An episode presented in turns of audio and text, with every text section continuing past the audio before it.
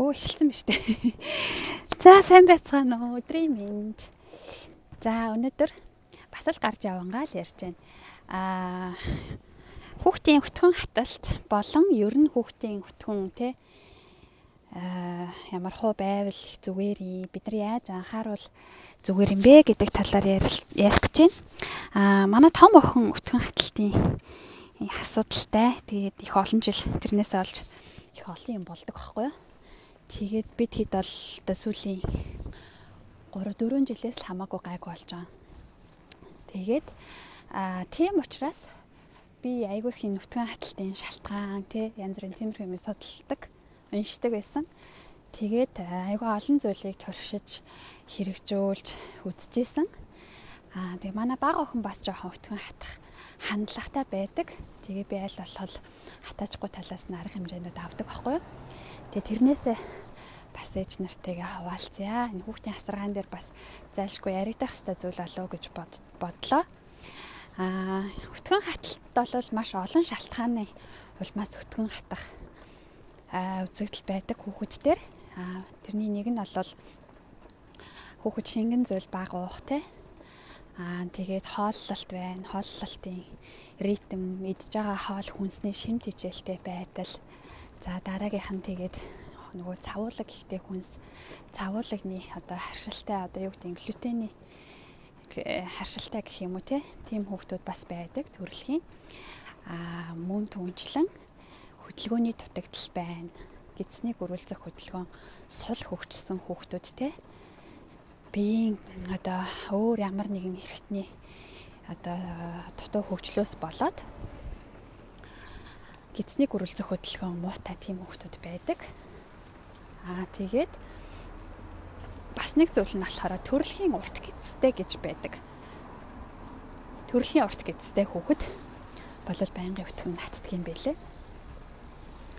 За тэгээд эдгээр шалтгаанууд ерөнхийдөө хамгийн түгээмэл шалтгаанууд нь эднэр. За тэгээд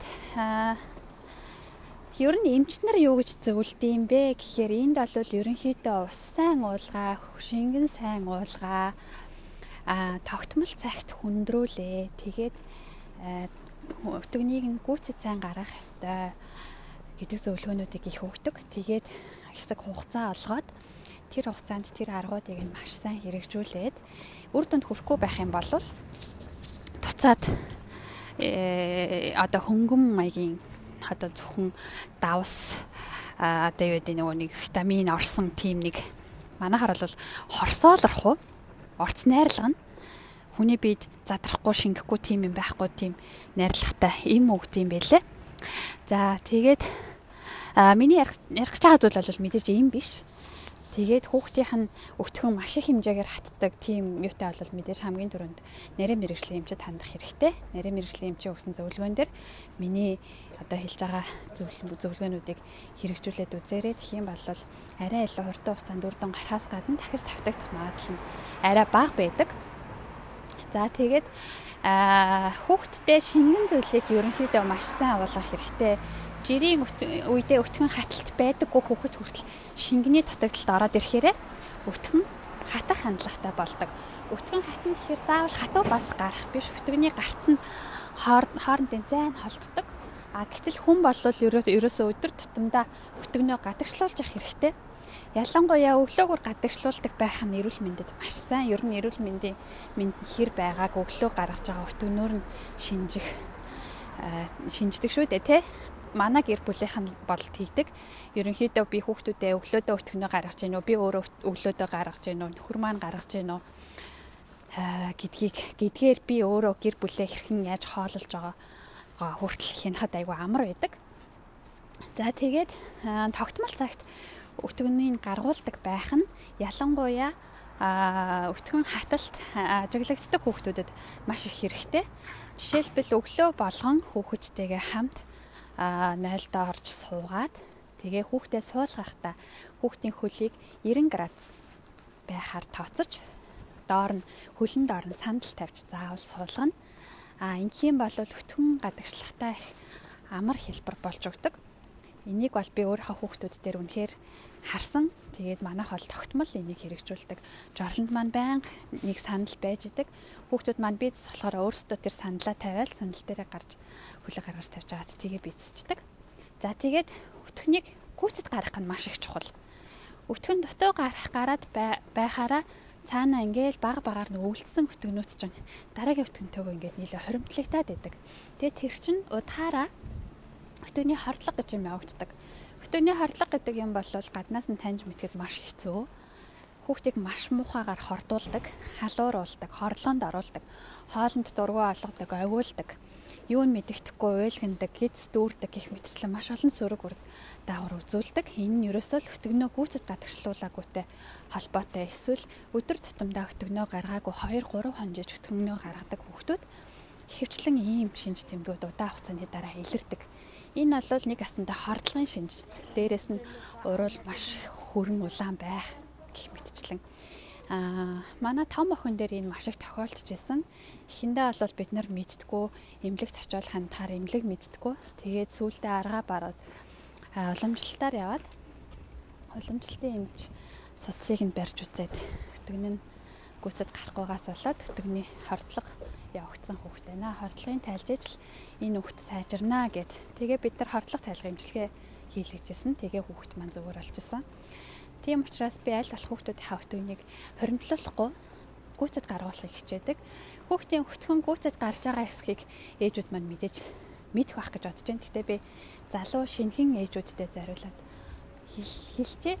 Аа яадаг вэ гэхээр хүүхэд а хідэн ч удаа тасалж өтгөнөө гаргаж болно. Гэхдээ ихэнх хүүхэд ерөнхийдөө 2 удаа тасалж өтгөнөө гаргадаг. Аа тэгээд өтгөн гүйцэд гарч дуусч байгааг мэдэх шинж тэмдэг гэх юм бол хамгийн сүүлийн хөтгөн үйл яллаг өмнөх хөтгнөөс шингэн гарахтай хэлбэр шингэрж гарч дуустдаг. Үүний дараа хүүхэд бага хэмжээгээр шийдэг байгаа. За тэгээд ингэж хөтгөнөө гүйцэд гаргаж сурахад эцэг эхийн оролцоо маш их чухал. Ягаад гэвэл хүүхэд удаан хугацаагаар жорлон дээр суудаг байвал бас яванда цагаан мах эргэх магадaltaй байдаг учраас аль болох богино хугацаагаар тавтамжтайгаар эхлээд суулгаж дасгаад дараа нь хугацаагаа уртсгаад өтгөнөө гүйцэд гараа сургах хэрэгтэй. Энэ нь тэгээд өдөр болгон тогтмол цагт байгаад ээж нь хажууд нь байгаад за одоо миний хүү дахиад жоох үлдсэн байгаа хойлоо тэрийг гаргая гэх маягаар ингээд өтгөний гүйцэд гаргуулаа сурахчвал хүүхдэд өөрт нь их амар болно. Дараагийнх нь болохоор шингэнийг маш сайн уулгах. Аа балга балгаар уусан шингэн бол яг сайн шингэж хүүхдийн биед аягүй сайн шингэж шингэн нөхөлт болж чаддаг. А хэмжээгээр усуулгачаар нэг дор хэмжээгээр залгилуулад уулгаад л байхаар өдөрт 2 литрийг нэг дор одоо юу гэдэг нэг ухтаал 200 г-аар 300 г-аар уугаад бүтэн 1 литр ус суусч тэ манай хүүхэд тэгээд ахт ч нүтгэн хатаад байна те. А эсвэл а балга балгаар ойрхон ойрхон зайтай уудаг тогтмол Тэгээд өдөрт 1 литр ус авал аль гэж уучдаг те. Тийм мөхөд бол нөгөө гинт балгаж залгилж нэг дор их хэмжээгээр нь хол зайтай ус хүүхдүүдийг бодвол шингэн нь аягүй сайн байдаг. Бас л би өөрийнхөө хүүхдүүд дээр үнийг маш сайн мэдэрсэн. Тэгээд хөдөлгөөн маш чухал хүүхдэд. Хүүхдийн гөрөл гидсний гөрүүлзэх хөдөлгөөн сулрах айгүй амархан сулардаг. Тийм болохоор бид нар өдөртөө ядаж хүүхдтэйгээ 20 минут ажуухан тааваар алхдаг цэцэрлэгээс гэр хүртлээ ойрхон зайтай бол савта усыг барьж гараад ганц хоёр балгуулад өдөр нь болсон зүйлээ яриад ингээ алхуулах те тэр бол бас хөрхөн хөдөлгөөнд орно тэг хүүхдтэйгээ ноцолтож тоглох хайгуусан гидсний гөрүүлзэх хөдөлгөөн инех үед чангарч суларч бас тодорхой хэмжээгээр ажиллаж идэг тэгэхээр нөгөө хүүхдийн баяр жаргалтай байх өвчнийг даван туулахад маш их нөлөөлнө гэд миний нөгөө хүн өнөмшмээргүй юм шиг хачин юм яриад байдаг маань. Бас л энэ гидсний гөрөл зөвхөлгөөнийг сайжруулахад тустай байдаг байх нэ. За тэгээд хооллолт бол маш чухал. Хооллолтондоо мөн байн боловсруулсан бүтээгдэхүүнүүд хэрэглээд байвал хүүхэд гидсэн ийм цавуулаг хүнсээр дүүрээд гөрүүлзэж нөгөөхийгөө шахаж гарах гэд хэцүү болдог. Би айгу инээдтэй өөр тайлбарлаж магадгүй шүү. Дандаа цагаан гурил, дандаа цагаан гурлан боов. цагаан гурил нөгөө цагаан каш, цагаан будаа, цагаан сахар, чихэр тэгээ мах тий байнга тийм юм иддэг. Ногоо иддэггүй, жимс иддэггүй. Бүхэл бүрийн гурил иддэггүй, авиас иддэггүй. Хүүхдүүд аа өтгөн хатах магадлал эдгээрийг ногоо жимс э ус сайн ууж ногоо жимс сайн иддэг. Хоолыг нь сайн зохицуулж өгч чаддаг хүүхдүүдээс арай илүү өтгөнийг хатгаад тийм өдөр тутамдаа тогтмол цагт гаргадаггүй нэг хоёр удаадаа өнжижил байдаг тэгжээс наа гарч ил байдаг те ийм нэг нэгэн жигд биш химнэлтэй байгаад байдаг тийм болохоор хүүхдүүдийнхээ хаалт ижилэг аль болох шимт хижилтэй байлгах үүднээс хүн нэг төрлийн юм байн гэдэг тахаар өөр нэг төрлийн витамин минералаар дутагдчихэдэг тэгэхээр аль болох дандаа баяжуулаад байгаа зүйлээрээ те заавал байхгүй зүйлийг хайж олж авах биш. Бага зүйлээ зүйлүүдээ холиод гэх юм уу. Нэг өдөр нь ногоогүй хоол идсэн бол нөхөд маргааш нь ногоотой хоол иддэг ч юм уу те. Олдж байгаа улирлын жимснүүдээ авч хөлдөөж агаад аа өвлөн сайн идүүлдэг ч юм уу. Ингээд э, дундуур нь ов. Гэтэ э, би бол хүүхдүүдтэй дандаа овёс дандаа бор хар гурил хоол өвдөхгүй. Яа тэгвэл хүүхдүүд угаасаа аюу юм гүдэг нэг нэг дор удаан суудгүй бид нар шиг байнгын суугаа ажил мажил хийдгүү те үргэлжил гүүж идэг тоглож идэг тодорхой хэмжээгээр ингээл хөдөлж л байдаг учраас нөгөө тэр бүхэл үрийн бор гурилан тийм бүтээгдэхүүнүүд чинь бас аюу амархан шингэцдэг. Тэгээд хүүхэд нөгөө цаг нь болоог байхад өлсөө цаг нь болоог байхад идээд нөгөө шүд амраалт маань бас байхгүй болох гэдэг байхгүй юу. Тэгэхээр би аль болох харж агаал тааруулс хийгээл өдөртөө нэг овёс ч гэдэм үү. Тэгээл нэг маргааш нь бор гурилч гэдэм үү. Өдөрт нэг 2 3 тавтагдуулахгүй. Эсвэл бүр олон өдөр дарааллуулахгүй энэ төр. Заримдаа хүүхдүүд л юм чи цагаан гурилан боо торт хүснэ. Тийм болохоор дандаа л тунгийн тааруулаад өхийг хичээдэг. Бүх юмыг 100% дагаж тийм байх хэвээр, ийм байх хэвээр гэж амьдрах нь өөрөө нэгдүгээрт их уйтгартайгаас гадна хоёрдугаарт хит юмыг туйширч дагахаар тэр нь эсрэгээр ихчнээ сайн гэж дагж исэн зүйл маань одоо хитрүүлэх юм бол а сөрөг нөлөөтэй байх нь надад их анзаарчихсан учраас тэр болгон юмыг 100% төгс. Гэтэ энийг бүр ястаас ингэж дагна гэсэн ер нь их байдаггүй. Аль болох өөрөө ингээл харж байгаа л гэрийнхэн маань яаж ин хүүхдүүд маань яаж ин гэдгээс нь шалтгаалаад тэгээд тааруулаад өөрчлөлгийг өөрчлөөд явдаг. Тэгээд глютений цавуулгын харшилтай хүүхдүүд байх юм бол ер нь хүүхдүүдээ хооллолтын өөрчлөөд ч одоо асаргаагаа сайжруулад ч түүний хаталттай байгаа дээр имлэг тандаад нэг тийм шинжилгээ өгч хөдөл гимгүүл гэж би боддیں۔ Тэрийг бол бараад одоо илрүүлдэг болсон бах уу. Хэм бол тэр цавуулагтай хоол хүнс бүгдийг хасаал нөгөө лактоз лактозгүй хүнснүүдийг хэрэглээд эхлэхээр тэр нь ингээд эдгэрээ зүгээр болчт юм байлээ. Энд тийм лактозны харшилтай одоо глютений харшилтай хүмүүс аягүй их байдаг байхгүй хүүхдүүд мөхтүүд.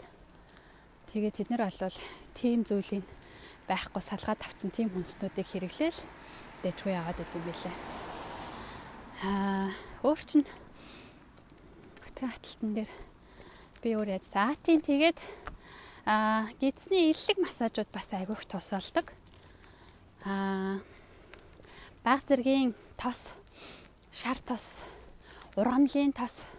Одоо ургамлын тосондоо гайгүй сайн чанарын тоснууд те хүүтнэр нь хэрглэж болдог халаахгүйгээр хэрглэж болдог. Cold pressed гэд хүүтнэр нь шахаж авсан гэсэн гайгүй тос маснуудаас нэг халбагыг уулгачж болдог яг бүр амар хөтгөн хаталттай хүүхдүүдэд аюу сайхан ингээд шингэлж гаргаж өгөхөд тэр их тусалдаг. Энд бол имлэг эмч юуны цэцэрлэгийн багш нар хүртэл тэрийг зөвлөдөг байхгүй юу? Тэр бол хүнд хор хөнөөлгүй учраас хүүхэдтэй ганцхан албаыг ингээд өдөртөө өгөхөд зүгээрээ гэж зөвлөдөг. Аа тэгээд тас ярьсан. Өшөөч юу лээ? Дэшег явсан чи бүр амьсгатчлаа. За тэгэл тогт тогтмол хийх ёстой юмнуудаа бол тогтмол хийн те нөгөө тогтмол суулгаж хүндрүүлэх. Биний байнга гаргах. Ахар сүлэн дээр нар зөв тойргоор халуун бүлээн тосоор сүлний тас шар тасаар бүлээ хиллэг хийж өгөхөр хүүхдийн өтгөө аталттай хүүхдүүдэд бас их таатай байдаг гэдэг юм лээ. Би тэг охтондоо аюу тийм юу хийж өгдөг байсан. Массаж яг ахар сүлний тийм хийд юм бэлээ. Би нэг би амьдрал дээр бол хүүхдийн гиз дүүрэх мөрөх үед хийдэг массаж гэдэг өтгөө аталттай үед хийдэг массаж гэж нэг хүүхэлдэйн дээр хийж видео оруулж ирсэн да. Тэр байгаах гэж бодож байна. За нэг тийм юмнууд байна. Өтгөө аталтаас сэргийлэх аргууд бол ерөөсөө шингэн хооллолт хөдөлгөөн аа нөгөө нэг дадал тий өдөр болгон өтгөнөө хүүцэд гаргадаг дадал тэгээд тэр инех бас их чухлаа. За тэгээ та хэд маань энийг сонсоод доор нь бас юунуудаа бичээрэй.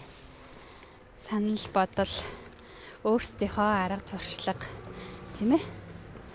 Тийм юмнуудаа бас бичээрэй. Мэдээж энэ нөгөө та нар маань хэрвээ эмчит хандах хүүхд чинь шаардлагатай байгаа тохиолдолд эмчит хандаа дэмжээ өгсөн зөвлөгөө хэрвээ ямар нэг юм юм зөвлөсөн бол тэрэн дээрээ энэ хасаргаануудаа нэмээд хийх юм бол хууж байгаа эмний ч үйлчилгээ хүртэл хамаагүй дээр байх юм шүү. Ганцхан эмээр бол итгэн гэж байхгүй яг байлаа ч гэсэнтэй жоох их хугацаа шаарддаг те илүү их төсвөр төвчөр шаарддаг. Тэгээд энэ хасаргаа болвол ер нь бол тасралтгүй л ингээл хүүхдийг том болтол даарж авч чадах юм бол том болоод гайгүй ирүүлж хэрэг санаа сэтгэл нь тайван сэргэг ухаантай хүүхдүүд болно гэж би амар итгэдэг. За за. Өөр юм санаанд ордгүй. Ярих юм ярьсан л бол та. Сануул би энэ юуны хадаар комментээр оруулчих. За баяртай сайхан өдрийг сайхан өнгөрүүлээрэй сайхан амарцаагаарай гэх гэж. За